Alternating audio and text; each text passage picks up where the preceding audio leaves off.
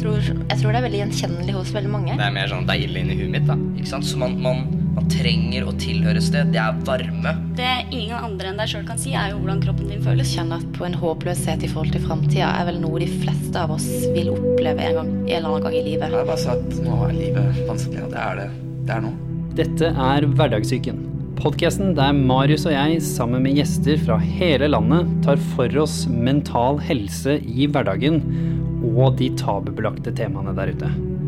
Velkommen. Så velkommen tilbake til Hverdagssyken, og velkommen første gang til Hvem er du? Jeg heter Marius Grane Solli. Jeg er broren din. Du er det? Ja, det er. Og hvor lenge siden er det du har sett meg?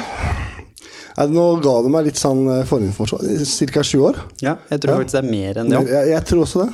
Det er det som er sjukt. Ja, det er, det er egentlig så lenge at jeg egentlig nesten ikke husker det. Ja, faktisk. Det er ganske Det er ganske spesielt. Ja. Så jeg tenkte at eh, med en gang eh, Ja, vi skal komme litt inn om hvordan vi havna her, men Mm. dagens episode, selvfølgelig Vi har faktisk nesten ikke snakka sammen heller. Vi har snakka bitte lite grann sammen på sosiale medier, men vi har, jeg i hvert fall har spart 1000 spørsmål til Mm. nå. ja. For at vi rett og slett skal gi folk en episode om hvordan er det å snakke med noen du ikke har sett på så lenge. Mm. Og som man da selvfølgelig har en, en sterk relasjon til, og som man har hatt noe historie med når man var yngre. Og Ja. hvor man har hatt to forskjellige liv fram til nå. Og Ja. så plutselig så sitter vi her. Møtes vi igjen, ja. Ja, det er eh, interessant, det. det synes jeg, og så er det veldig koselig. Det er veldig koselig. Absolutt. Så kan ikke du, før jeg hopper inn i å fortelle hvordan det var fra min side, hvordan var det du hørte fra meg? Hva er det du husker nå sist? Eh, Det skjer så mye i livet mitt. Men jeg, vi fikk vel kontakt på sosiale medier. Uh, hvis jeg ikke husker så var det du som sendte meg en melding. eh, Stemmer det? Uh, og så ringte jeg, og etter den meldinga så ringte jeg mamma egentlig og, og spurte sånn på en pen måte sa, Det er noe veldig, veldig veldig skjedd med det her her. Hvem er det? Og mamma var- blei litt sånn Nei, ikke sant? Og så ringer jeg pappa, og jeg snakker egentlig aldri med pappa. Eh, og han bare Nei, nå skal du høre her. Bare, det er det. Jeg visste det var et sted hvor jeg hadde det fra. Mm. og da fikk jeg det bekrefta. Så det Ja. Så Det det, var eh, veldig hyggelig. Jeg ble egentlig veldig glad. Så bra. Ja, hvordan var det å på en måte Fordi så var det jo det kom det store spennende spørsmålet. Jeg Altså For det første så la jeg deg til, mm. og søstera di, for så vidt, som jeg aldri har møtt. Det er også fun fact opp dette her. Ja. Um, for tre-fire år siden, tror jeg, på Facebook. Da la jeg dere bare til. Da bestemte jeg meg for å finne dere, eh, av nysgjerrighet selvfølgelig, og i håp om at eh, det hadde gått bedre, for da hadde jeg bare hørt sånn småting drypp her og der om at det på en måte det var litt vanskelig. Ja. Og så tenkte jeg, nå må jeg finne dem. Og så fant jeg dere begge to, og så så jeg noen bilder av noen barn og litt sånne ting. Så tenkte jeg, oi, der går det jo, går det jo bedre. Og så turte jeg ikke gjøre noe annet. Nei. Jeg bare la dere til. Sendte ikke melding, ingenting. Nei. Og så ble det godkjent det godkjent, av begge to. Ja. Så hva var det du tenkte på andre sida da? Visste du i det hele tatt hvem jeg var da? Når jeg bare la deg til? Eh, jeg tror faktisk ikke at jeg kobla det. Eh, det har vært eh, som sagt mye som har skjedd i mitt liv, så jeg har liksom ikke fokusert så veldig mye på familien på den måten. på en måte. Jeg har fokusert litt på en annen familie. ikke sant? Så på den tida der så tror jeg kanskje egentlig ikke Men jeg, jeg husker siste Siste jeg fikk vite om deg, eller sånn, som jeg spurte om om deg, det var egentlig når du havna i, ikke i militæret. Det var liksom, det, og der, er det, det har jeg sånn printa i huet. Oi, gjorde du det? Ja. Det visste jo ikke jeg.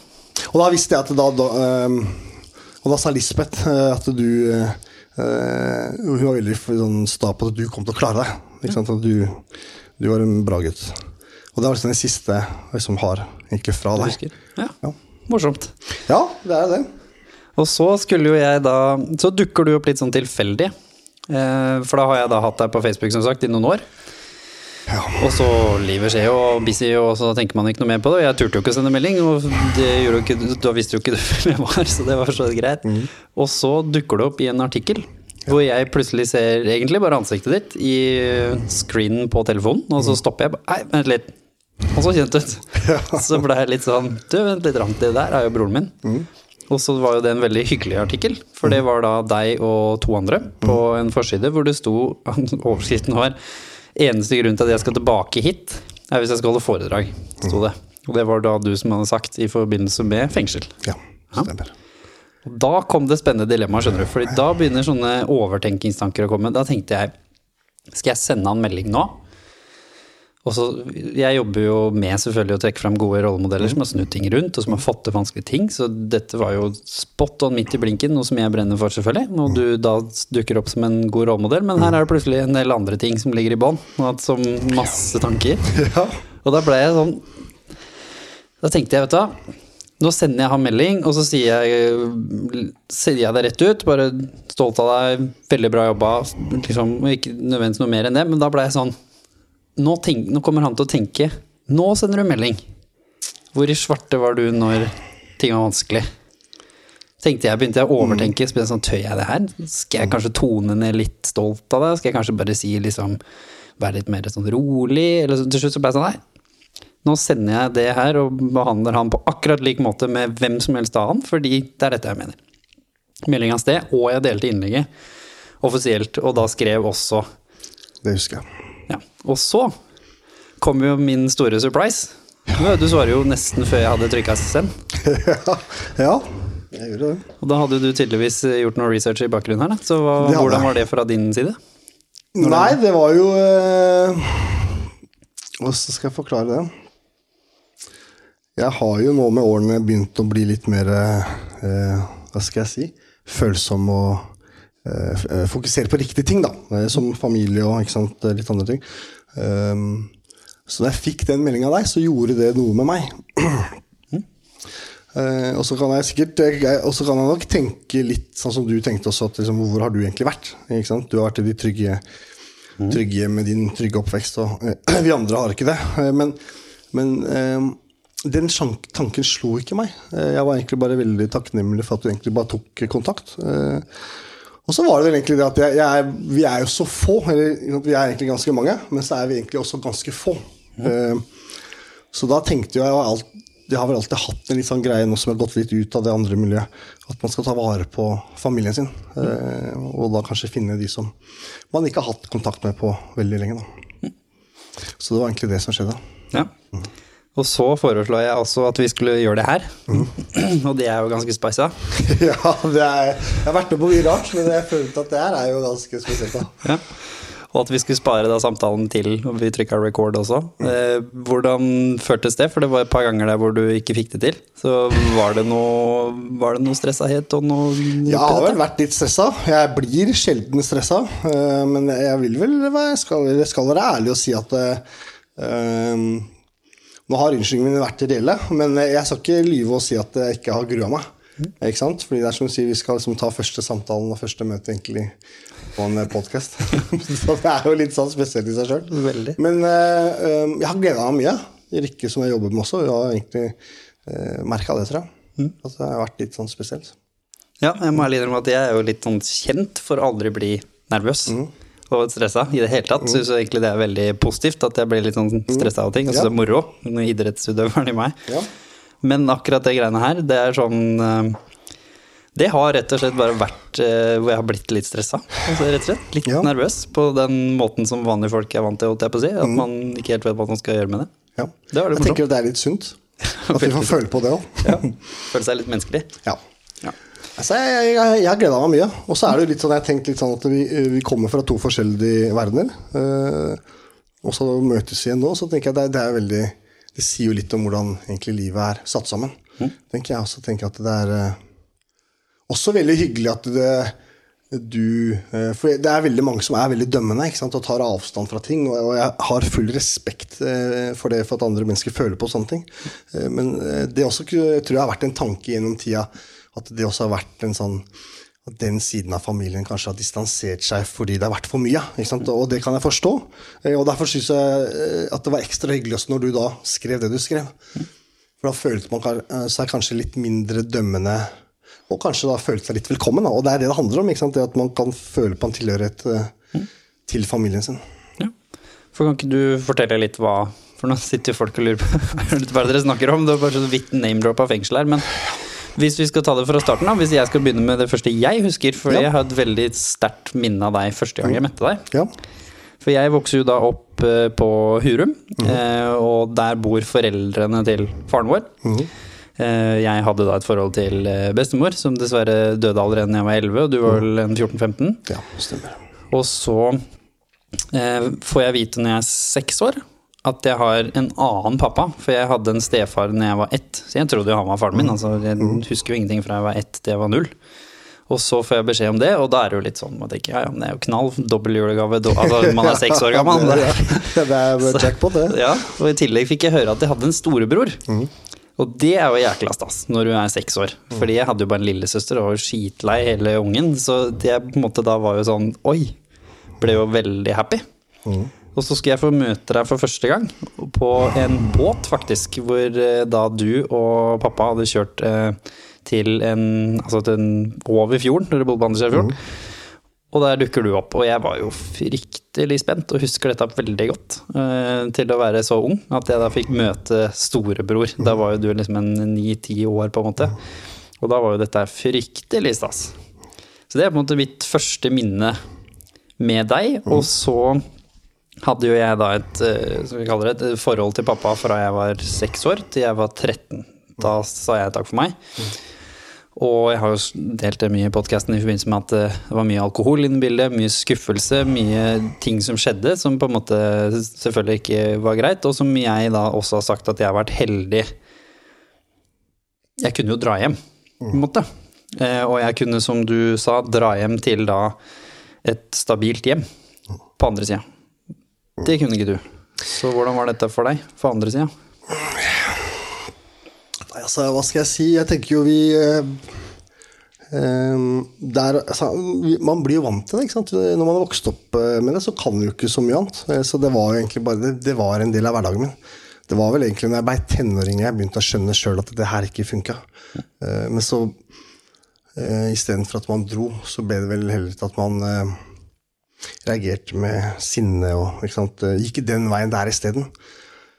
Eh, Så jeg blei vel egentlig bare mer dratt inn i ting, jeg, da. Ikke sant? Eh, Grunnen av det, istedenfor å ta avstand, så blei det egentlig bare en vei videre inn i den kriminelle underverden.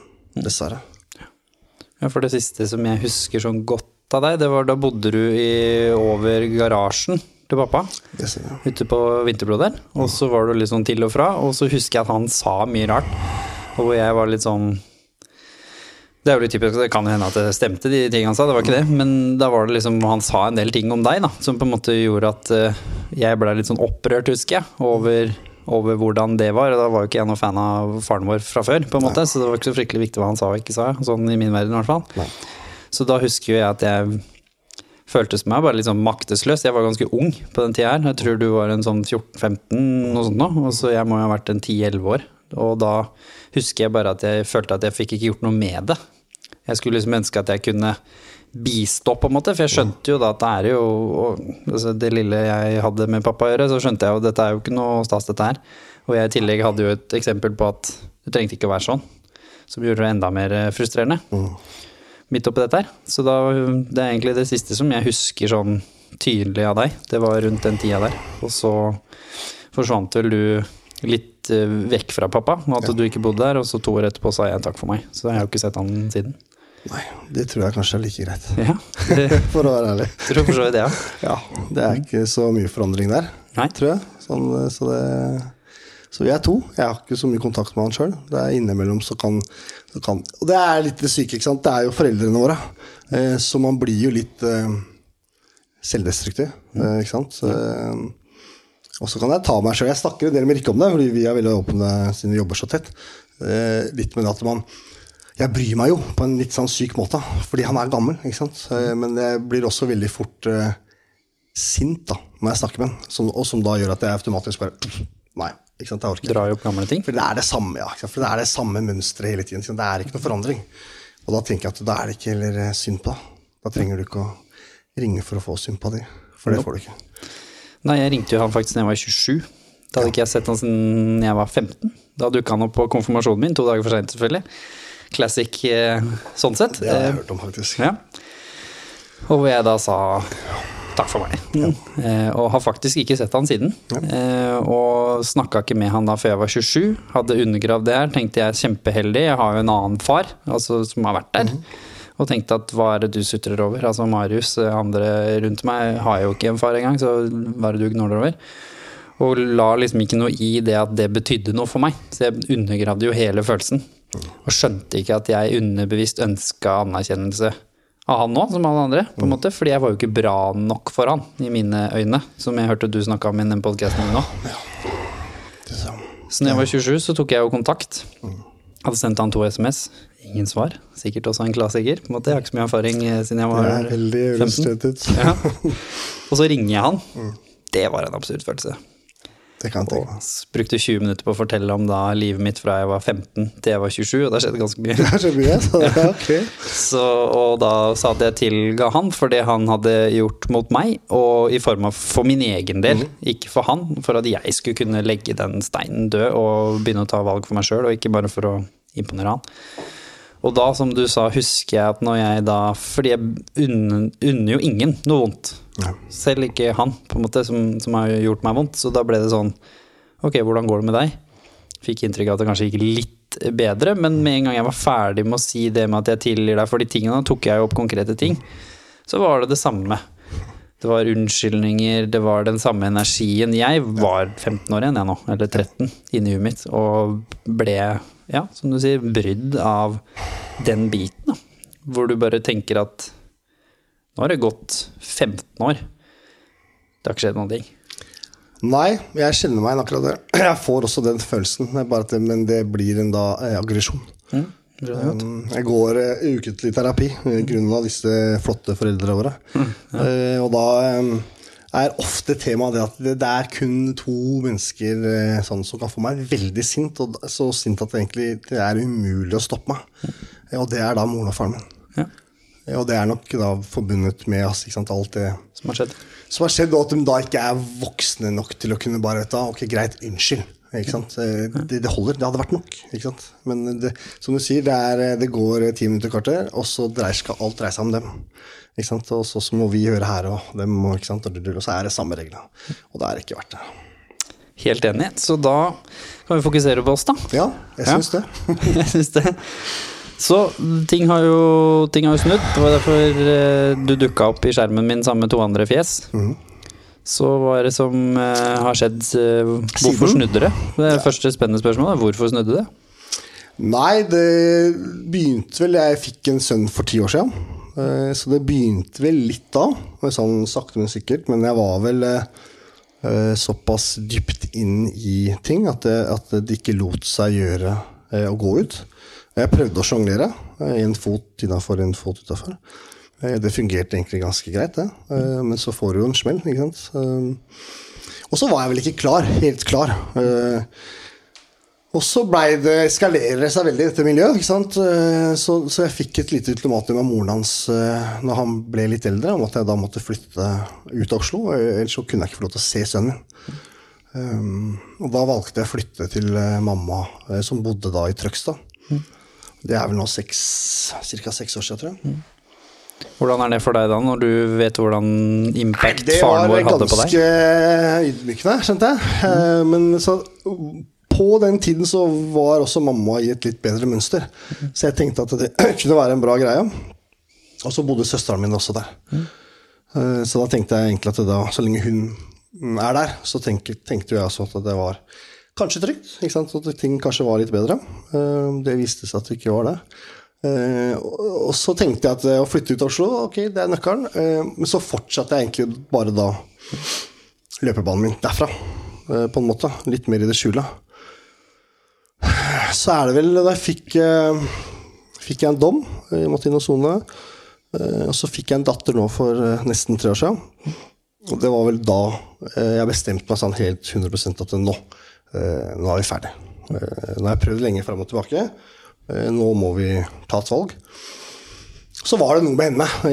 Du får en datter, vi, vi gutter er, det blir jo veldig ikke hellig. Eh, og da har det egentlig bare gått eh, riktig vei fra da, egentlig. Jeg har gjort egentlig alle tak jeg kan. Eh, tatt avstand. Eh, eh, fått en rolle på Røverradioen. Starta et eget eh, gym, eh, forebyggende arbeid med Rikke. Vi har bestemt meg for å bruke autoriteten min ute på gata. eh, erfaring til å hjelpe. Eh, Men så klart, på den veien her så møter man jo masse hinder. Eh, Så jeg skal ikke si at det er lett. Nei. Langt ifra. Hadde det vært lett, så hadde alle gjort det, tror jeg. Og det er det som er greia. Men eh, hver dag blir bedre, tenker jeg.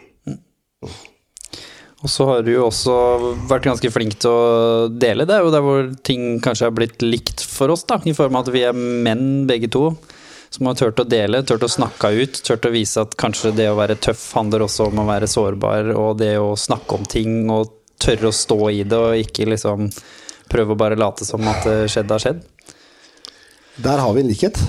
Eh, absolutt. Eh, og så kan jeg si at eh, for min del så har det vært en eh, e- altså in, en intern verdenskrig om akkurat det der å tørre Og det er ikke at man er redd, men det å tørre å bare vise sårbarheten sin. For det har man gjort eh, når man var yngre, og så så man hvordan det gikk. Og det er ikke man så interessert i lenger, ikke sant. Og så tror jeg det har blitt lettere for min del, i hvert fall nå med tiden, også fordi jeg da jobber med, med, med Rikke og sånne ting, at det blir um, Og andre som jobber også med at det blir så mye For du har en trygghet, da. Så du ser at det du sier og det du deler, blir, du blir hørt, ikke sant. Eh, og så, vil, eh, så får man beskjed av mennesker rundt seg at du, du er en eh, viktig stemme. Eh, og da får man jo mer selvtillit, og det er det det går på. Så da så er det jo, jeg elsker å hjelpe mennesker, og det har jeg alltid gjort. Selv om jeg har vært kriminell, så har jeg alltid hjulpet mennesker. Eh, selv om det høres litt rart ut. Jeg har hatt en veldig god moral og mm, liksom gode normer og etikk. Og jeg har alltid liksom vært en veldig fin gutt for det, eh, selv om jeg har vært kriminell. Så jeg tenker at jeg har mye erfaring, og jeg ser at det hjelper. Jeg snakker jo daglig med ungdommer som, som jeg veit hører på meg.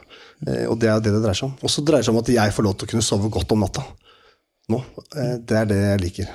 For det har jeg ikke gjort på mange år. Nei, hvordan føles det? Eh, Ja, det også er veldig uvant.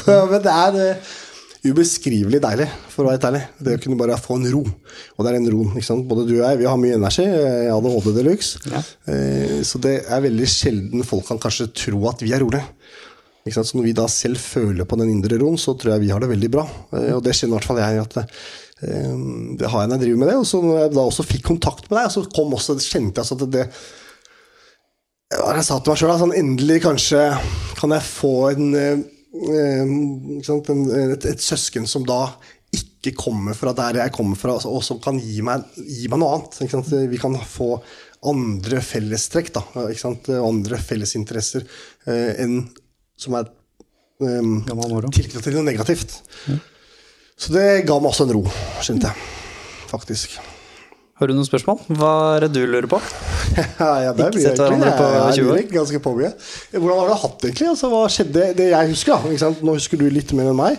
eh, Men jeg husker da jeg fikk høre at du gikk i militæret. Og, eh, og da husker jeg at jeg hadde sånne smågrupper. Jeg tror du hadde vært på besøk hos eh, pappa Lisbeth eller et eller annet i, i noen sånn setting rundt. Eh, Og da husker jeg at du var så Du så så flott ut i forhold til eh, Sier ikke at jeg ikke var flott, men altså, du, så veldig, du så litt annerledes ut. da. Du så at du kom fra et litt mer eh, Kanskje anstendig gode anstendigheter. ikke sant? Et godt hjem. Eh, Hvordan var det det så ut for deg, egentlig? Hva var det som representerte et godt hjem den gang? Husker du det? Jeg tror kanskje den eh, aura, altså den auraen din altså liksom, eh, At du var så blid, og liksom, du var veldig velstelt, og liksom, du var veldig ja, energisk, som du fortsatt er. Men du var en veldig blidgutt, Mm. Eh, det var ikke kanskje vi helt sånn, for jeg følte vi har kanskje litt, hatt en litt mørkere og det, var, liksom, det er, og det er det siste jeg husker fra deg. Og så er, liksom, tenker jeg nå ettertid Hva har skjedd? Liksom, hva skjedde etter militæret? altså, og hvordan var militæret? Ja. Nei, altså Ja, det kan jo sikkert eh, stemme. Ble, det var jo sikkert derfor jeg kutta det med pappa òg. I form av at jeg skjønte at jeg, jeg må jo ikke være her eh, hvis jeg ikke, hvis jeg ikke vil. Og så Nei, etter militæret Jeg havna jo i idrettslinja. Det var sikkert lurt. Masse energi. Eh, og så i Forsvaret. Det var litt fordi jeg fikk kyssesyken siste året på idrettslinja. Så jeg fikk jo ikke da fortsette idrettskarrieren. Så jeg kunne sikkert det, men da man jo Jeg hadde vært på sesjon, og du ble jo rulla inn etter, etter videregående. Kommer inn der på krykker, faktisk, så jeg hadde jo tråkka over på begge ankla og knust romhinnene, så jeg kommer inn. Hadde selvfølgelig havna på marinejegeropptak. Ja. Så jeg fikk to og en halv uke sommerferie. Og rett på toget til Madla eh, og på krykker. Så jeg tenkte dette blir, dette blir bra. Det går fint. Og kommer fra det et år med kyssesyken. Så jeg kunne vel antagelig ikke vært mindre forberedt på det. Eh, var vel 375 små drittunger på Madla, som alle skulle bli marinejegere, og det ble ikke noe, selvfølgelig. Så jeg var til slutt blant de to siste, da, eh, av disse her, med krykkene mine. Så jeg teipa jo bare beina og kasta krykkene, og så håpa det gikk bra. Det gjorde det. Men jeg skjønte jo at jeg ville jo ikke bli soldat. Så, så når jeg var ferdig med opptaket, da, så sa jeg at jeg ville bytte til minedykker. Ble kasta rett inn i et nytt opptak, for jeg hadde jo ikke fått med at de begynte opptaket sitt en måned seinere. Så, så det var jo kjempestas. Kom gjennom det og havna i treninga og var på vei til å bli yrkessoldat, sånn sett.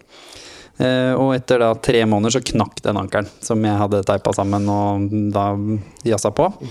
Og da fikk jeg et valg. Jeg kunne komme tilbake etter eh, nyåret og hoppe over opptaket og liksom få lov å bli soldat. Eller jeg kunne bli redningsdykker i Kystvakta på Svalbard. Oh, ja. ADHD vente tre måneder, det er ikke aktuelt. På Hurum i tillegg. Altså, nei, skjer ikke. Så da hoppa vi på den muligheten her. Og da ble jeg jo litt sånn, hva skal jeg gjøre med livet mitt nå? For da hadde jo alle mine idrett og alt liksom bare seila ned i sjøen. Og da mm, begynte jeg å studere shipping, faktisk. Her i Oslo. Flytta til Høybråten. Ja, spennende saker, det òg. Jeg ble trener for Furuset basketlag, som var bare to år yngre enn meg, og snakker om de gutta som på en måte kanskje trodde de var litt eh, tøffe. Heldigvis for meg så var jeg eh, Først så var jeg veldig god i basket så, og veldig god form, så jeg kunne jo være han treneren som løp fra dem. Og på en måte, da hjelper det ikke å sutre til treneren på en måte, hvis han løp fra deg. Så jeg fikk, fikk litt respekt der. Um, og Storhet shipping. Skulle jo da bli den første i min familie som skulle få bachelorgrad. Det var min tanke. Veldig satt på det, selv om jeg hadde ADHD. Og etter bare ett år så ble jeg faktisk uh, headhunta av det som den gangen var et av de største firmaene i, i verden. Altså, så ble jeg helt satt ut. Tilbudt fulltidsjobb etter ett år på skolen. Skjønte ikke helt hva som hadde skjedd sa ja, selv om jeg var veldig satt i planen min om denne bachelorgraden. Eh, Så innerst inne så visste jeg jo at skole er jo ikke min Skole er jo ikke sånn tette venner, på en måte. Så det var kanskje greit. Så da hoppa jeg på det, eh, og var der i seks og et halvt år. Eh, Og kommer nå fram til denne 27-årsdagen, eh, hva håper jeg si, hvor jeg ringer pappa og alt dette her. I tillegg så jobber jeg med toppidrett som topptrener og sånn på Furuset. Og liksom alt dette skjer samtidig. Og jeg reiser mye rundt i verden. Tar én måned fri hvert år fra denne kapitalistiske shippingverden og jobber da på barnehjem og sånne ting rundt i verden. Utforsker. Jeg var jo fryktelig nysgjerrig type. Så Jeg kom jo fra lille Hurum, så jeg skulle jo på død og liv oppleve alt annet enn Hurum. Det forstår de. Ja, og ekstremt prestasjonsfokusert, underbevisst med dette med pappa. Eh, og de som mobba meg. Jeg hadde jo en, selv om jeg så blid ut, så hadde jeg en ganske tøff barndom i form av at jeg ikke passa inn. Veldig mye mobba og mye som skjedde når jeg vokste opp. Eh, og i tillegg det med pappa og alt det styret der. Så når jeg da var 27, eller 26-27, så hadde jeg vært et halvt år i Singapore. Drømmejobben til alle kompisene mine. Begynte å drømme om å kunne kjøpe en leilighet til søstera mi, eh, fjerne gjelda til foreldrene mine. Altså hadde de der stereotype tankene om suksess. Og så knuser jeg en skive i ryggen i en fotballkamp i Singapore. eh, Og mister egentlig alle nervene til høyrebeinet nesten, og får beskjed om at jeg kan aldri drive med idrett igjen, og at jeg kanskje aldri vil få gå vanlig igjen. eh, Og at hele min identitet, som var idrett, den ble jo borte. Ja. Så da ble jeg litt sånn Nummer én, hvorfor sitter jeg i Singapore? For da, da gikk det jo opp for meg at jeg er jo her fordi jeg prøver å imponere noen som jeg ikke engang har snakka med. Som ikke engang er i livet mitt. Eller, og de drittungene som mobba meg da jeg var kid, som nå endelig driver og skryter av meg på Facebook og sånn. Så plutselig så føltes det deilig, men hva betyr det? Det betyr jo ingenting sånn i det store bildet, men det betydde mye for meg da. Og så blir jeg jo litt sånn, hva gjør jeg nå? Eh, og hva kan jeg egentlig? For jeg hadde jo lent meg så mye på idrettsidentiteten og han energiske. For jeg var jo ti år yngre enn nestemann i firmaet, så jeg passa jo ikke inn der heller. Og da ble det Leger uten grenser, fant jeg ut. 18 måneder recovery for å komme tilbake. Jeg hadde 5% muskelaktivering. I dag har jeg vel kanskje 90 i høyre beinet, så nesten, Nesten nesten tilbake. Veldig takknemlig selvfølgelig for at det ikke det forsvant helt. Men da kom jeg tilbake der og hoppa til Leger uten grenser. Afghanistan, første, første oppdrag. Et år i Afghanistan. Det var veldig spennende eh, og utfordrende og alt på en gang. Og så plutselig så mm, går det jo opp for meg at det er jo ikke dette jeg vil heller.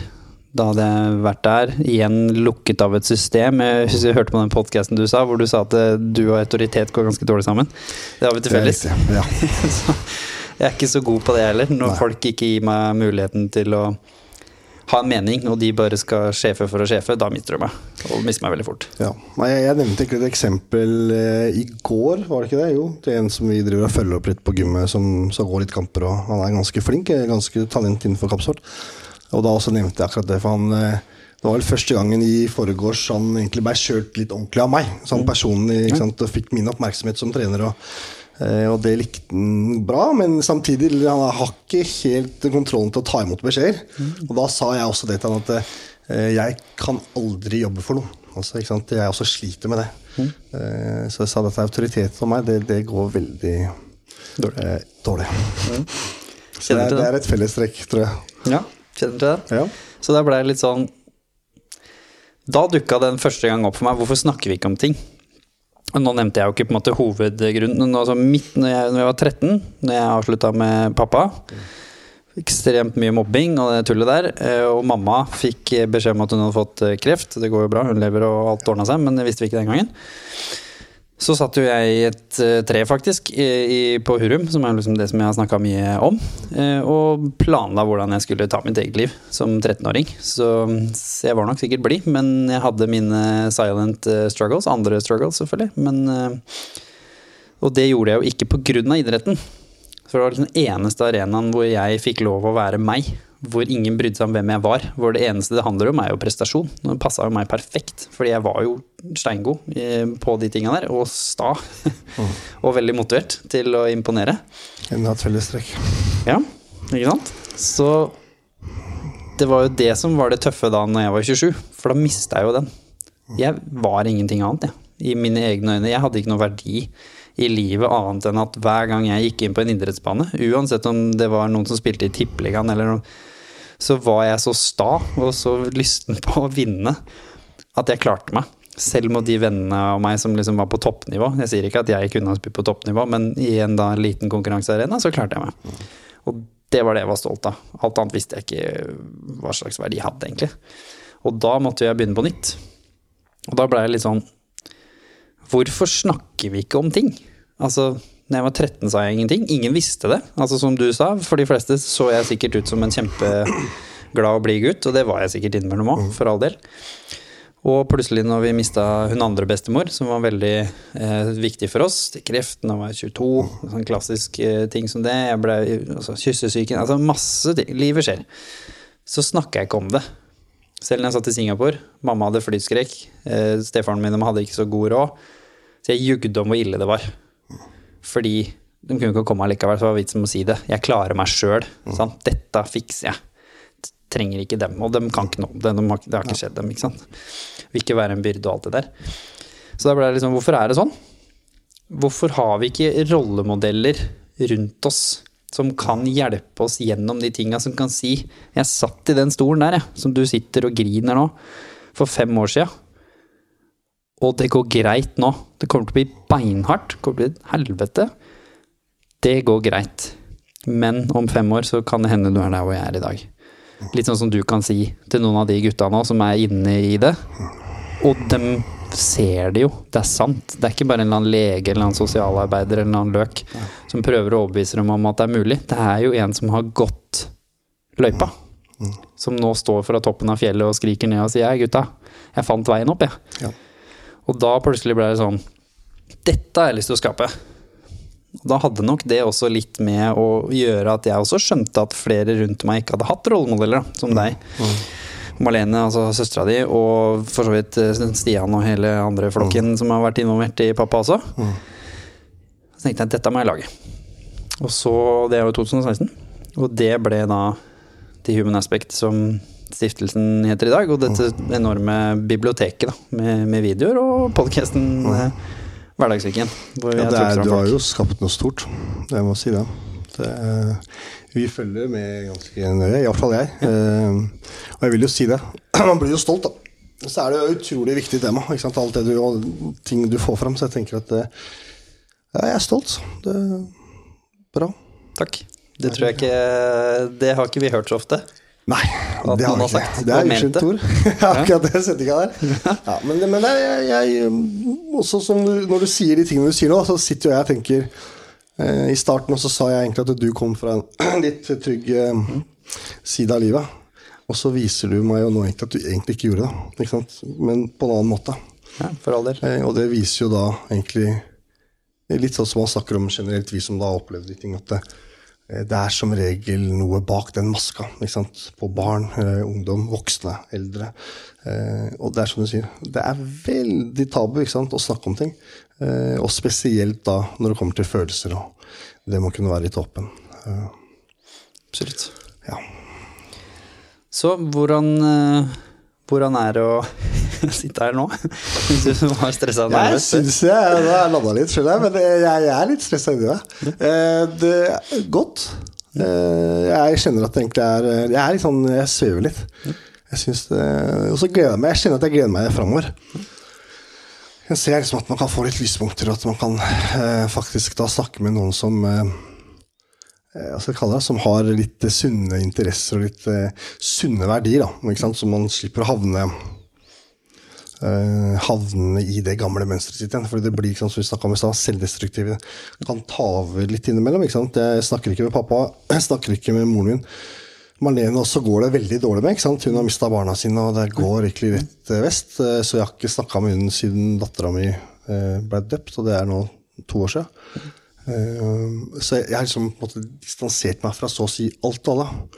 Eh, Og da er det veldig deilig å kunne se at det er faktisk noen det går bra med, og at man da kan bygge et eh, forhold der. Absolutt. tenker jeg, Så har vi mye erfaringer begge to, så jeg tenker at vi kan også få til da store ting sammen. tenker jeg. Fordi vi ser ut som at vi er to karer som Drivkraft, det har vi, for å si det sånn. Drivkraft har vi. Det var Ja. morsomt. Jeg snakka Ja. med mamma når jeg hadde snakka med deg og sånn, selvfølgelig. Mamma har alltid vært veldig Kanskje vært ekstra tett knytta til deg. Mamma bodde jo sammen med pappa når pappa hadde deg aleine en stund. Når mora di sikkert sleit ekstra. Jeg vet ikke liksom hele historien, men mamma da ble jo litt sikkert sånn reservemamma for deg, da. Det stemmer. I, I starten der. Husker du noe fra det? Eh, det er litt vondt å innrømme, men jeg, egentlig eh, Kanskje hvis det hadde tatt meg litt tid og begynt å satt meg ned og tenke litt, eh, så hadde jeg sikkert kommet, men, eh, men nei. Per dags jo dato så gjør jeg ikke. Du var en kid. Ja. For det var før meg. Ja. Og det har vel litt for at jeg har Med årene så lærte jeg meg å Hva er det kalles det ordet? Egentlig bare å glemme. Ikke sant? Altså, jeg blokkerte alt med, med fortiden min fordi det var så mye vondt. Så man, man- jeg bare lærte meg egentlig å ikke snakke om det, ikke snakke om følelser. Ikke, ikke sant? Så, bare, det ble, eh, så jeg, jeg glemte egentlig alt. Så jeg har egentlig glemt veldig mye. Ikke sant? Og så, så kommer du opp litt sånn etter hvert. Så, eh, og det tror jeg bare har vært en sånn forsvarsmekanisme, tenker jeg. Så det er også er det litt sårt, da. Fordi jeg, jeg vet jo at det er mange gode ting jeg kan huske også. eh, Som også da har forsvunnet litt i det her. I elendigheten, dessverre. Ja, det er litt med meg og med pappa òg, husker jeg. Fordi det var en av de tinga jeg grua meg med å møte deg. Er at jeg husker nesten ingenting fra den tida med pappa. Og jeg kan jo nok om psykologi nå til å skjønne hvorfor jeg ikke gjør det. Og da er jo det store spennende spørsmålet også, ved å møte deg som husker andre ting, og som selvfølgelig allerede nå har nevnt et par ting som jeg har glemt, vil du da kunne fargelegge det jeg har glemt? Og hva, duk, hva ligger der? For jeg vet ikke. sant? Jeg vet ikke hva han har gjort og ikke gjort, eh, for jeg husker ikke. Så jeg husker veldig lite. Selv om det selvfølgelig sikkert skjedde hyggelige ting der. Og Lisbeth var jo involvert på den tida hvor jeg var der, som var jo en helt annen type person. Altså Ja. som var sammen med pappa. Så Ja, men så da var det vel litt eh, til tider, da. Kanskje litt bedre. Ikke sant? Eh, og, det, og det tror jeg Pappa har alltid vært flink til eh, eh, å se bra ut utad. eh, ikke sant? Eh, Fint hus, Yes, eget firma? Eh, lastebil. Store lastebiler, ikke sant? Eh, masse penger, fin hytte, båt. Ikke sant? Eh, Så er det da det som skjer inni de fire veggene. Og det har jo ikke alltid vært så veldig pent. Og så har det, så jeg tror Lisbeth var et lite holdepunkt der. At, eh, men så klart så klart hun ikke det. Eh, og det, Det er er jo synd. Eh, Nå snakker jo ikke jeg noe med Jeg tror ikke jeg snakka med Lisbeth på Ja, det er mange år. Det er faktisk ti år, tenker jeg. Og det er veldig synd, for hun også var egentlig en viktig person i livet. Men hun også tok avstand, for det ble for mye. Og jeg, jeg kan se den, selv om det er sårt. Man blir jo avvist, og man blir forlatt. Eh, Og da Kanskje når du minst trengte å bli forlatt. og det er vondt, ikke sant? når man er vant til å bli forlatt hele tiden. Da. Så blir man jo en eh, kald person, og da blir man, blokkerer man alt av følelser, tanker, og så skaper man nye, et nytt liv, ikke sant? nye minner. Ikke sant? Og så er, I mitt tilfelle så har jo ikke det alltid vært veldig bra, men det er blitt mitt, eh, det er mine minner. Så Så har jeg liksom glemt alt annet, så det er eh, Ja, det, kan, det er litt sårt, skjønner jeg. Jeg husker jeg snakka med Stian, altså vår, eh, som Mm. Ja. er Lisbeth og faren vår sin sønn. Ja. Som har jo bodd her hele livet, stakkar, sånn sett. Um, og han er jo, altså Bare du nevner eh, ordet, eller navnet, så er- blir jo han sinna, på en måte. Eh, sikkert mye som deg også. Og jeg husker jeg snakka med han når vi snakka om at pappa begynte å bli gammel. Så husker jeg snakka med han hvor sånn Ok, hvis han dør, kommer du i begravelsen? Husker jeg spurte Stian om. Og han sa nei før jeg hadde sagt begravelsen, tror jeg. Og så husker jeg at jeg utfordra han litt på det samme som det med hvorfor jeg valgte å tilgi pappa, som hadde jo ingenting med han å gjøre, fordi han fortjente det jo ikke. Det handla jo om meg. Så sa jeg sånn Tror du det hadde kommet hvis jeg var der, for at vi skulle liksom lukke kapitlet, på en måte? For hvis, han, hvis han dør, så for- forsvinner han jo. Og hvis man ikke kommer, så kan du jo ikke Det er for seint å komme seinere, på en måte. Du kan ikke reise tilbake i tid. Hadde du kommet? jeg visste du skulle spørre. Jeg eh, kunne svart kjapt nei, ikke sant? Eh, og relaterte meg til det Stian eh, sikkert også forbinder, og så pluss litt til.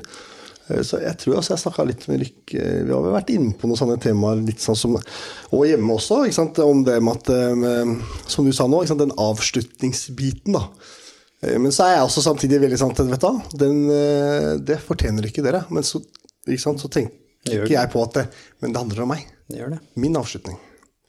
Og den hadde jeg nok ikke fått hvis jeg ikke hadde dratt. Så jeg, jeg tenker nok at jeg hadde nok gjort det, men i en helt annen eh, setting enn kanskje mange andre av dem som hadde dukket opp, hadde gjort. da. Jeg tenker at vi som da barna hadde nok heller gjort det for å få den avslutninga for oss selv og klare å gå videre. Eh, Ikke for at man skal vise den siste respekt for han, for det vil jeg dessverre si at det fortjener han ikke.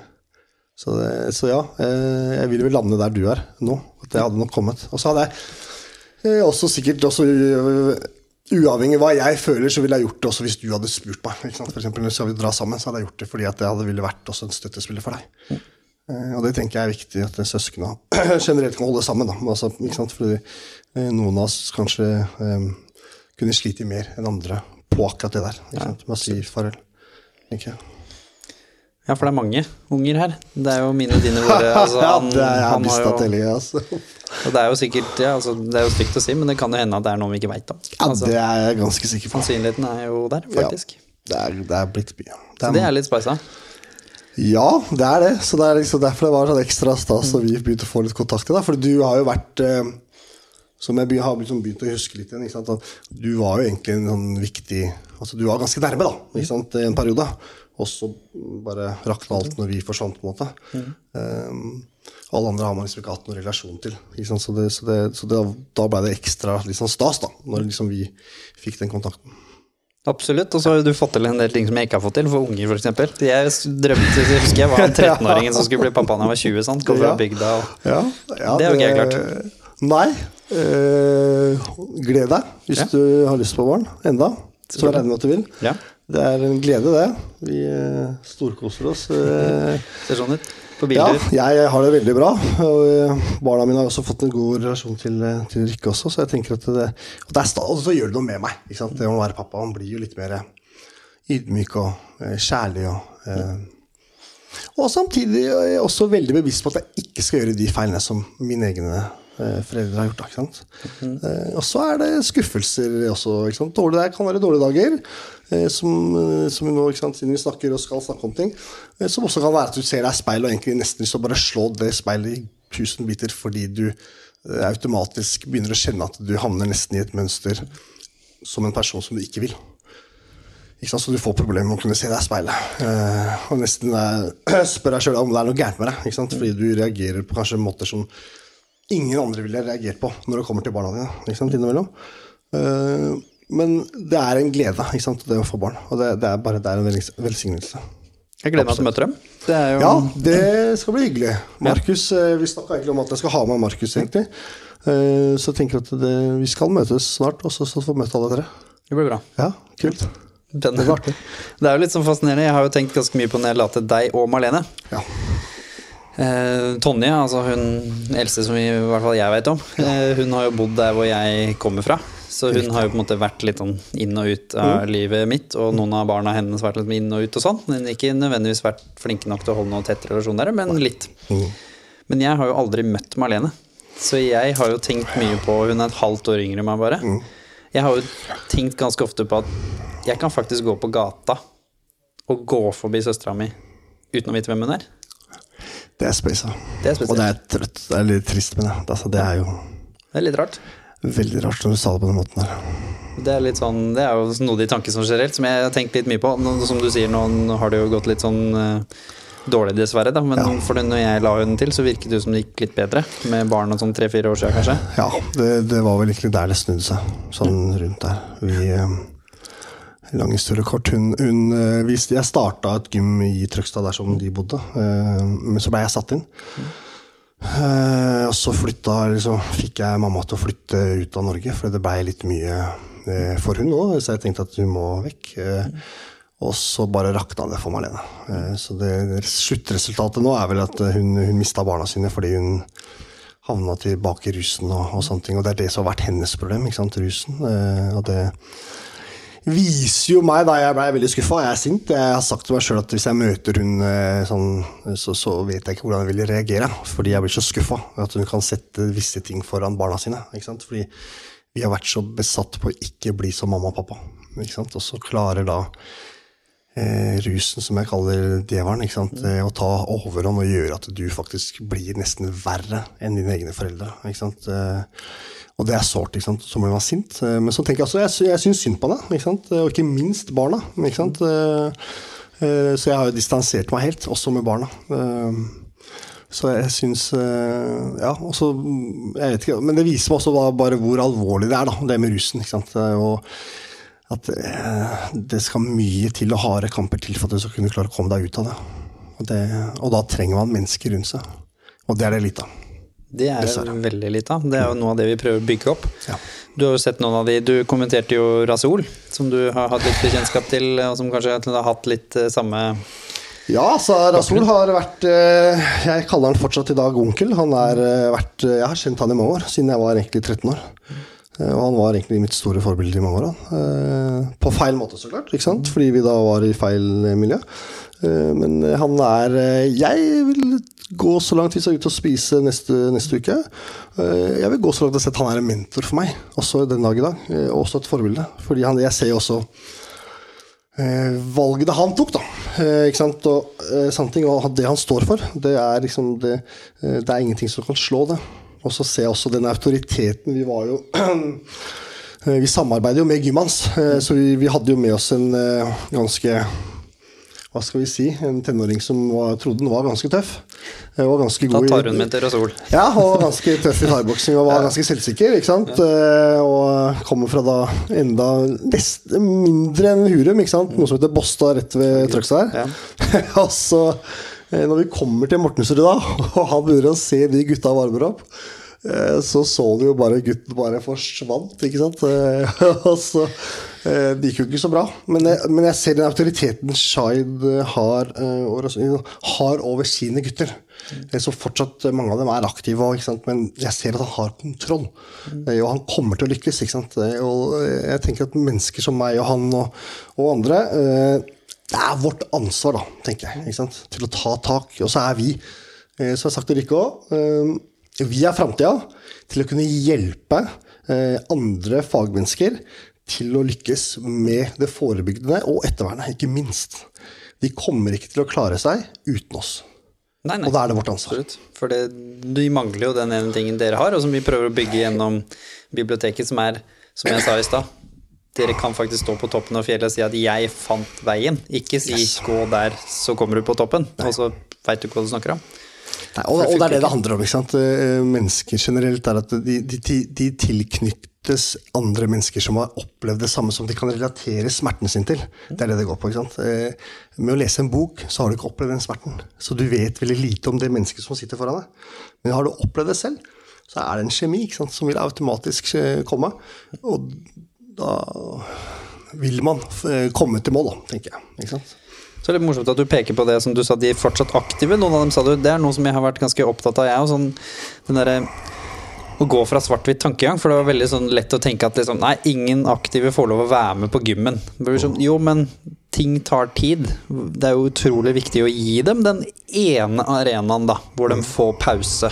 Og hvor, om det tar ett år, to år eller ti år for dem å komme der hvor du var, hvor de bare Nå er jeg ferdig. Se på Rasol, se på Marius.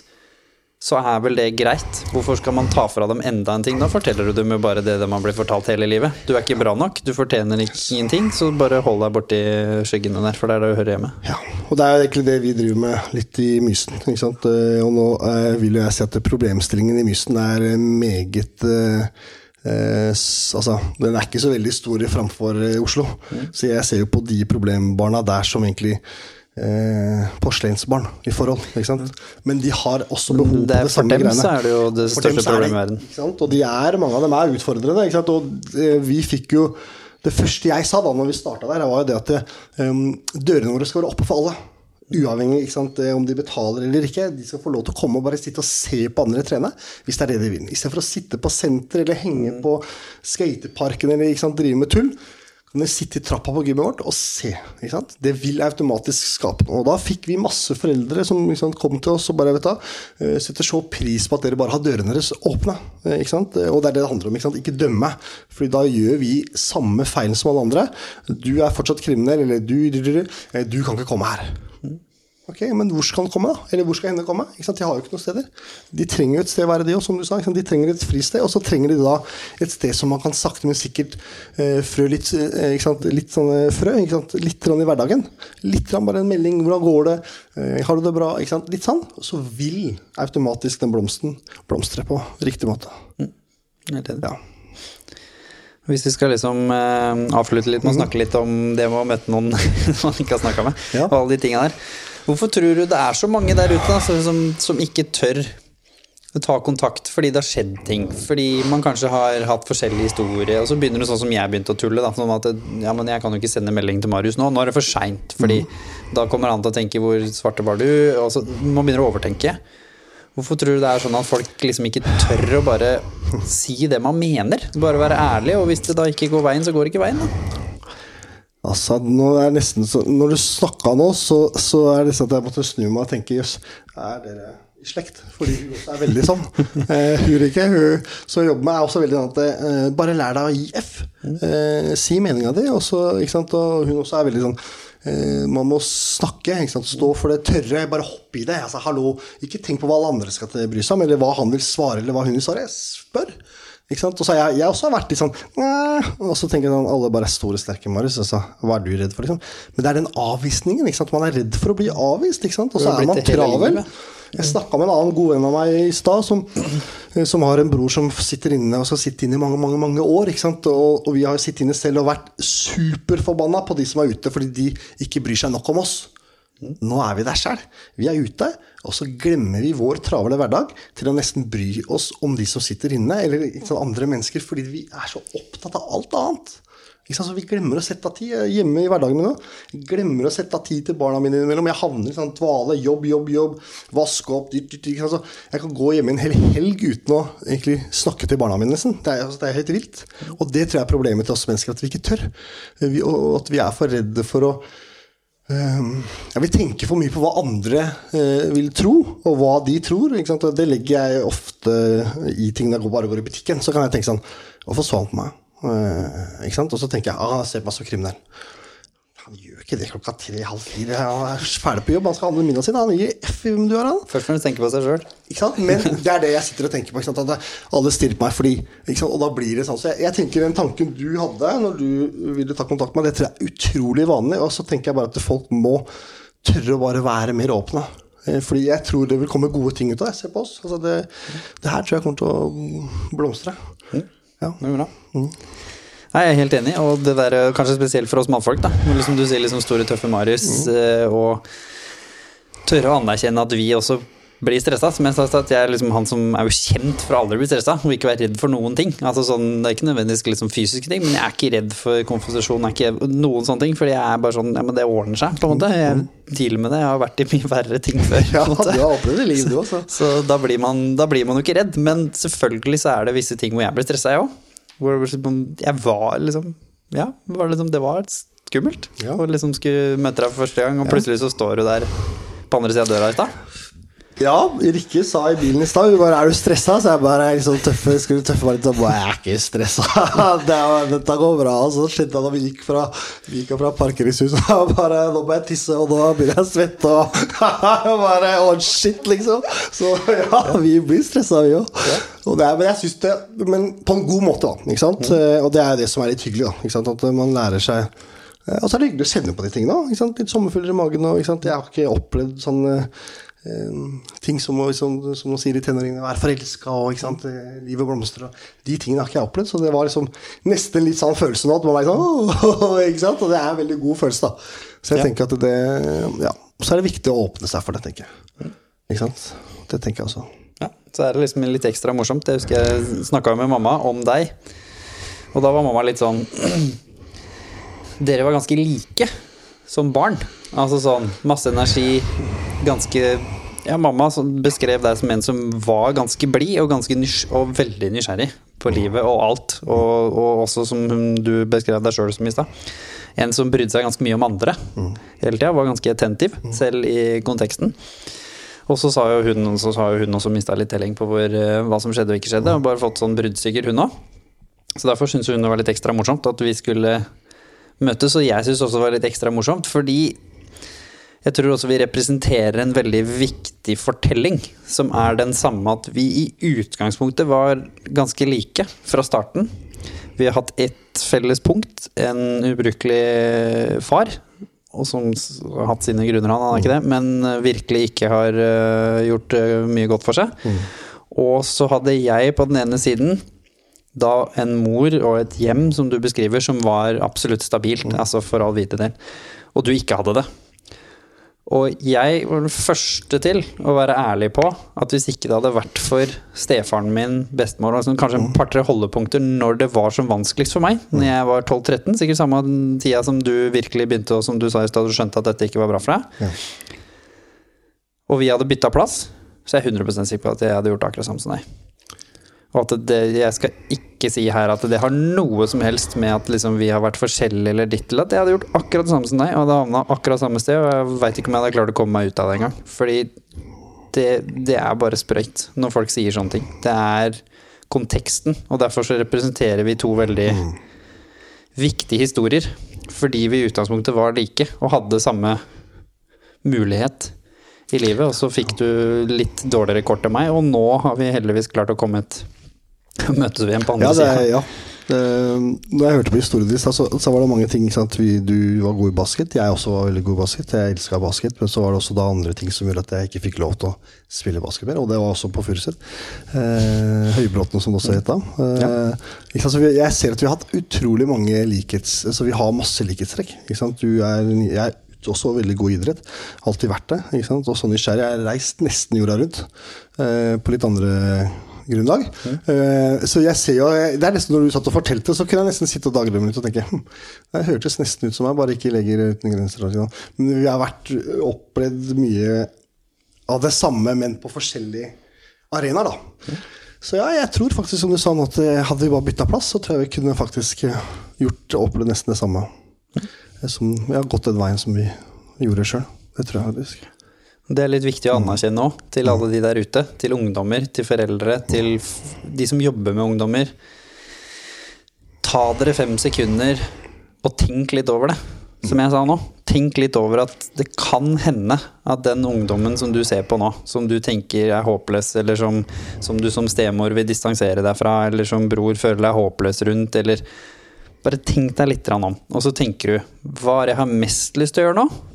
Som er det stikke av, ta avstand, kjefte, skrike, alle de tingene her. Og så prøver du å gjøre det motsatte. Og så ser du hva som skjer. så prøver du heller å gå litt nærmere. Være litt mer stabil, holde døra oppe, som dere gjør. Ikke vise avvisning, fordi det er det eneste gærne du kan gjøre, faktisk. Det er å fortsette å vise, tenker jeg, oss, uansett hva som er grunnen til at vi utagerer. Og vise oss det vi er vant til, for det er jo det vi venter på. Det er kanskje det jeg nesten håper litt på. Jeg utagerer og lager kvalm for å få oppmerksomhet. Og så veit jeg det kommer til å bli avvist, og så kommer den sannheten ja, men jeg er ikke bra nok likevel. Nei, men så fint, da går jeg tilbake til det jeg driver med, da. Der sier du noe veldig viktig, og det merker egentlig vi eh, veldig ofte med de vi jobber, jobber med, ikke sant, disse ungdomma. Eh, det med at de eh, konstant eh, prøver å bli avvist. Sant? De tester og de kommer med? Altså, De gjør alt for at du egentlig skal bare si Vet du, nå, nå er det nok fra deg. Nå må du gå herfra. Ikke sant? Eh, og, og så jo, eh, jo mindre vi biter på, da, og jeg biter veldig sjelden på det? Eh, og det gjør egentlig Rikke òg, så blir den frustrert og så ender det med at den blir sånn Hei! Eh, hm. Og så får vi en lojalitet. Vi har hatt litt eh, dumper på veien, vi nå, eh, på gym og litt sånne ting. Og, og så det man ser, da, er lojaliteten. Fordi vi har da vært stabile i deres liv over en stund. og eh, vært der for dem på en annen måte, og de er superlojale mot oss. Og da viser jo det meg at se, det funker. Og det er mulig. Og det er mulig. Så jeg tenker at som du sier, eh, flere som hører på nå, også som jobber med ungdom, ikke sant? eh, eller har det hjemme, som har turbulente ungdommer hjemme, eller barn, eh, ta dere tid. Ikke sant? Lytt litt. Bare, ikke sant? Sett dere ned, som vi snakka om i bilen i stad. Sett dere ned litt og bare spør hvordan de har det. Ikke, sant? Det- det er bare det. Ikke, sant? ikke vær så travel. Den hverdagen vår er, liksom, den er altfor travel. Ikke sant? Og det, det er litt synd. Man må prøve å ta litt kontroll. Eh, ellers så kan det gå gærent. Ja, absolutt. Dessverre. Eh, På det- mange måter. Veldig mange måter. Og det skal så lite til, da, ikke sant? Som, som du vet sjøl. Eh, lite, liten, liten feil kan ende opp sant? få drastiske, store, dramatiske eh, sant? eh, feil etter hvert. Kanskje spesielt i dag, fordi du jeg representerer jo en generasjon som hadde en del utfordringer, og ble ikke skydda så mye fra de. Vi ble mer skydda enn foreldrene våre, for all del, men mindre enn i dag. I dag føler jeg at ungdommen i dag har blitt så ekstremt skydda fra skolen. Altså, det er til og med sånn gummibelegg på lekeplassen. Jeg begynner nesten å le. Jeg er jo fra bygda, ikke sant. Det, det, det, du spretter jo nesten opp igjen hvis du detter ned fra, fra huska. Ja. Ikke, du knekker ikke i armen i dag. Nei, det er nettopp det. Hvor jeg liksom ler litt for meg sjøl, men det er litt sånn alvor i det òg. Fordi det er at med en gang de da møter på den første utfordringen, så er det jo null opplæring. Det er null trening, det er null erfaring. Så da går du rett fra en som du beskriver som en som kommer fra et eh, godt hjem og som er blid og hyggelig, til å sitte i et tre og planlegge hvordan skal du dø. Og i dag så er det jo ganske mye av det. Stor fremvekst av, dessverre, eh, unge som sliter. Og jeg tror mye kommer fra det at vi har vi har skydda dem, og så har vi glemt å fortelle dem om livet og gi dem verktøy på toppen. Hvis du og jeg hadde visst hvordan vi skulle håndtere vonde følelser, og visst at vi kunne snakke med noen, så hadde jo ingen av oss havna altså, i mange av de utfordringene vi hadde. Absolutt. Eh, veldig sant. Eh, jeg, jeg, jeg kjenner at jeg eh, Nå er Markus 10, den eldste sønnen min. Uh, og jeg sier ofte til han, ikke sant? fordi han også har vært litt uh, Jeg også har vel havna litt i den fella at jeg har vært veldig overbeskyttende. Ikke sant? Fordi man har opplevd det man opplever selv, så man blir litt sånn uh, men samtidig så har jeg vært, også vært veldig hard. Ikke sant? Og så har jeg mista mange år av livet hans fordi jeg sitter i fengsel. Men jeg ser nå at han er egentlig ikke meg og deg. Ikke sant? Han er en egentlig veldig motsatt gutt av, av oss to, uh, som vi var på den alderen. Med, uh, han er veldig beskjeden, han er ikke så veldig nysgjerrig. Litt nysgjerrig, men ikke så nysgjerrig. Ikke? Og så er han egentlig veldig pussete og veldig pinglete. Men så prøver han å være noe han ikke er. Og det er der det krasjer for han hele tiden. Og det også er en sånn greie som jeg ser sant, med ungdommen i dag, at de prøver så hardt sant, gjennom sosiale medier. Sant, det tar så overhånd. Altså de, de, um, også foreldrene gir nesten litt sånn slipp. Sant? Ja, 'Vil du ha eh, Instagram, så klart skal du få det'. Eh, 'Skal du ha TikTok, ja, så klart skal du få det'. Altså, eh, det er for lett, da. Og så er det som du sier, så er det ingen ikke, som stopper opp og sier at Men hør her nå. Konsekvensen er? Det kan skje, det kan skje. Eh, Det er det ingen som sier. Og da blir de jo sant, utrolig sårbare. Altså utsatt for veldig eh, lette ting. Da. Altså, de blir fort ofre, ikke sant? Eh, som igjen da gjør at de havner utpå. Ja, og som du vet, altså det er jo litt fascinerende. Jeg har jo jobbet i Afghanistan og i Syria. Altså steder hvor IS og Taliban og sånn. Hvor det er jo de samme grunnene til at folk blir suget inn der, som i det kriminelle miljøet, som i kristenmiljøet. Som, altså hvor enn folk som føler seg utafor, at de ikke passer inn, som jeg og du gjorde på hver vår måte, og som ikke føler seg bra nok. Det er jo ingenting som er lettere å recruite enn dem. Hvor du sier 'kom her', da. Brorskapet som Rasul snakka om, hvor han nå på en måte sier det finnes jo ikke, for det gjør det jo ikke. Det er jo en utspekulert taktikk for å få folk inn. Og ingen noe lettere å få inn enn dagens ungdom. For de veit jo i hvert fall ikke hvor de hører hjemme.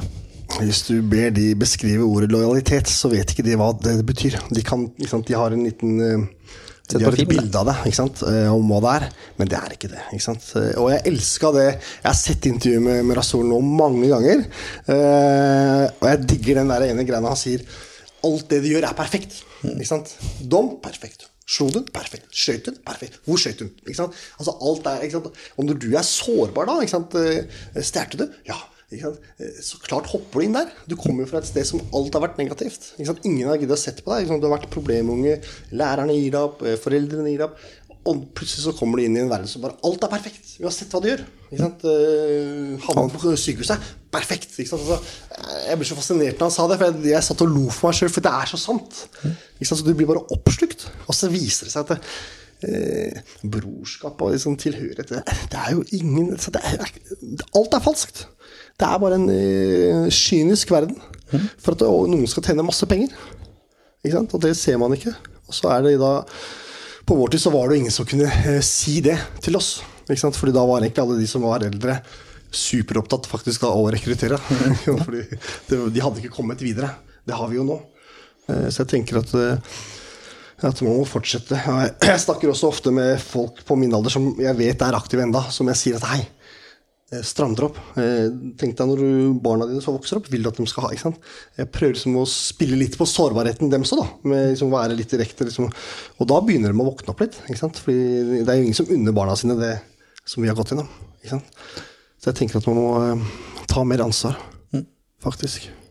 Det siste jeg skal ta opp før vi rapper opp her, det er litt morsomt at jeg I dagens verden så er vi så opptatt, sier du. Jeg er helt eh, enig. Og vi klarer ikke å uttrykke at vi bryr oss om folk. I det siste så har jeg intervjua fordi det plutselig ble en fler fra den litt sånn samme historien. Det liksom var Rasul, liksom Shahid, og så var det Christian, så var det Arman. Så liksom flere av, av eh, de Mikael. eh, Flere som har vært i det samme miljøet. Hardcore ute på venstre flanke, hvor du kan sikkert ha kalt dem kalde og, og liksom farlig og alle disse her stereotypene. Og så har jeg, etter at jeg har intervjua dem, møtt dem, skrevet, snakka med dem Jeg har opplevd mer kjærlighet fra de gutta der, fra ekte kjærlighet, enn fra folk som har vært i livet mitt i årevis, og som såkalt er vanlige folk, da, som liksom skal være disse gode citizens. Det er litt fascinerende. Hva er det som ligger i, ligger i det her? Er det fordi man ikke har uttrykt det på så mange år, så kommer det liksom sånn ekstra? Eller fordi at man er så trygg i seg sjøl og skjønner at vet du hva, jeg bryr meg ikke om jeg er mann, jeg, og sier til en annen mann som jeg har møtt én gang at fy fader, du er en bra fyr, jeg liker deg. Ja, det, kjenner, det du beskriver, da, er jo så sant. For jeg, jeg er helt enig. Eh, Det fins jo ikke mer kjærlige mennesker enn faktisk Nei, det er veldig meg, morsomt. Og, eh, og det har jo egentlig også både Rikke og flere rundt meg også sagt at eh, sånn er jeg òg. Men jeg tror kanskje det er fordi eh, Kanskje vi har hatt litt mangel på det i så mange år at det blir sånn overekstas nå. Fordi nå kan vi få lov. Er det lov? Det har egentlig ikke vært sånn lov. Fordi vi skal egentlig være harde og kalde og brutale. Det er det som jeg var oppdratt med, var at det, vise følelser, det var tabu. Eh, Brutalitet, det funker. eh, Og når det funker, så blir det bare mer og mer og mer. og mer brutalt. Altså, det var ikke lov til å gråte. Hvis den gråt foran meg, så jeg rabla jo. Altså, jeg havna helt i Eh, mens i dag så kjenner jeg også at jeg blir superstressa når noen gråter, for jeg vet ikke hvordan jeg skal trøste. Ikke sant? Men jeg blir superkjærlig, da. Fordi jeg får lov. Det er greit. Og det er kjempegodt å kunne vise kjærlighet. Det er ingenting som er bedre enn det. Det er veldig morsomt å se på sosiale medier og sånn, hvor de får sånne hjerte-emojis Ja, ja, og sånne er- giffer og sånn, men fra de gutta så sitter jeg og klør meg i huet. Bare sånn ikke du Ja. Og Det matcher jo ikke med Rasol, og så kommer det liksom en sånn gif med sånn hjerte og klemmer, og Hva som skjer her nå? Det er kjempemorsomt. Det er- men det er jo sånn det burde være, tenker jeg. Jeg tenker jo det. Også, Det er jo ekte. Det er ekte. Og så igjen så tenker jeg at eh, jeg hadde ikke undervurdert de gutta den dag i dag for det. Nei, Eh, Fordi det selv om de er kjærlige, kjærlig, så har de fortsatt bein i nesa. Ja. Men, Og det men- går an å være begge deler i samme person. Og, og det jeg tenker, så jeg tenker at det, eh, det å være mann i dag, det, er, det skal lov å være kjærlig. Mm. Eh, selv om jeg syns det er fortsatt litt rart eh, å kjenne på det. Men jeg er jo det. Og jeg digger det jo. Jeg syns det er kjempe, for du får det jo tilbake. Eh, og det er jo det det handler om. Da, liksom, du får en annen form for anerkjennelse også tilbake. Da begynner det å bli greit å se seg sjøl i speilet, selv om man har tatoveringer i ansiktet. Som forteller historien. Eh, Det gjør det. Og det er ikke alltid vært så lett. Så det er faktisk det. Og det, og det er godt. Å kunne se seg i speilet og være litt stolt. Ja. Faktisk. Ja. Det syns jeg du skal være, som jeg skrev også, fordi Ja. det er Det veit jo du bedre enn de fleste, fordi du kjenner jo mange av dem, har mista mange av dem, som har vært med deg på veien her. De færreste klarer jo å sitte der hvor du sitter i dag. De fleste er jo enten død i fengsel eller er der enda. Ja, dessverre. Eh, Jeg har, eh, jeg har en mentor i Røde Kors, eh, nettverket til Shoning, eh, som også har vært, en, eh, som har vært utpå og vært en ordentlig super eh, og høyt oppe i hierarkiet. Eh, Som ofte, hvis jeg For jeg kan ha en tendens til å klage litt. Eh, Rikke også gjør ofte at jeg kan klage litt. Ikke, sant? ikke direkte sutre, men jeg kan kalle det sutring, fordi sant, det er som du sa litt, de sa, eh, du mister hele identiteten din, og så skal du plutselig bli belært og lært alt du skal gjøre på nytt. Du kan ingenting, og så er vi voksne i tillegg. Eh, Og Da kan jeg fort bli sånn sutrete, og da pleier han mentoren min å si til meg eh, Sett deg ned og så tenk på hvor er du? Hva har du fått til? Eh, Forestill eller sammenlign deg med en som slapp ut samtidig som deg, og så spør du deg sjøl hvor er han? Enten så sitter han med nåla i armen, eller så er han tilbake i fengselet, eller så er han dau. Og hva har du fått til på den korte tida? Og da begynner jeg Hm, ja, det er sant. Og det er det det handler om. Ikke sant? Man må lære seg kanskje å bli litt stolt av seg sjøl, også ikke sant, innimellom, tenker jeg. Eh, For det, det er lov, det.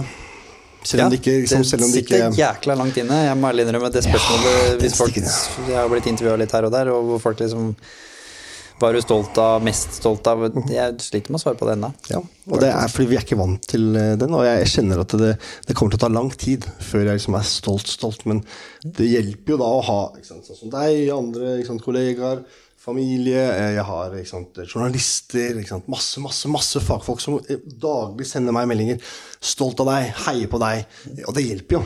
Det sakte, men sikkert så kommer du inn i huden på meg. Men jeg kjenner jo at det er fortsatt litt sånn eh, når alle ja, du har all grunn til å være stolt det, så tenker jeg, hm, har jeg det? Hvorfor det? Ikke sant? Og så- begynner den selvdestruktive tankemåten vår å tenke på at det, dere skulle bare visst eller eh, jeg fortjener ikke å ha det. ikke sant? Og så begynner vi da. Så jeg tenker at vi må også bare lære oss det å ta det til oss. Eh, som, ja. Har du noe du vil si til, siste du vil si til folk der ute som eh, som sitter og er litt sånn redd for å reach out til folk de av forskjellige grunner egentlig har hatt i familie eller venner, eller hvor noe har kommet imellom, som gjør at de sitter og overtenker. Hva skal de gjøre? Hopp i det.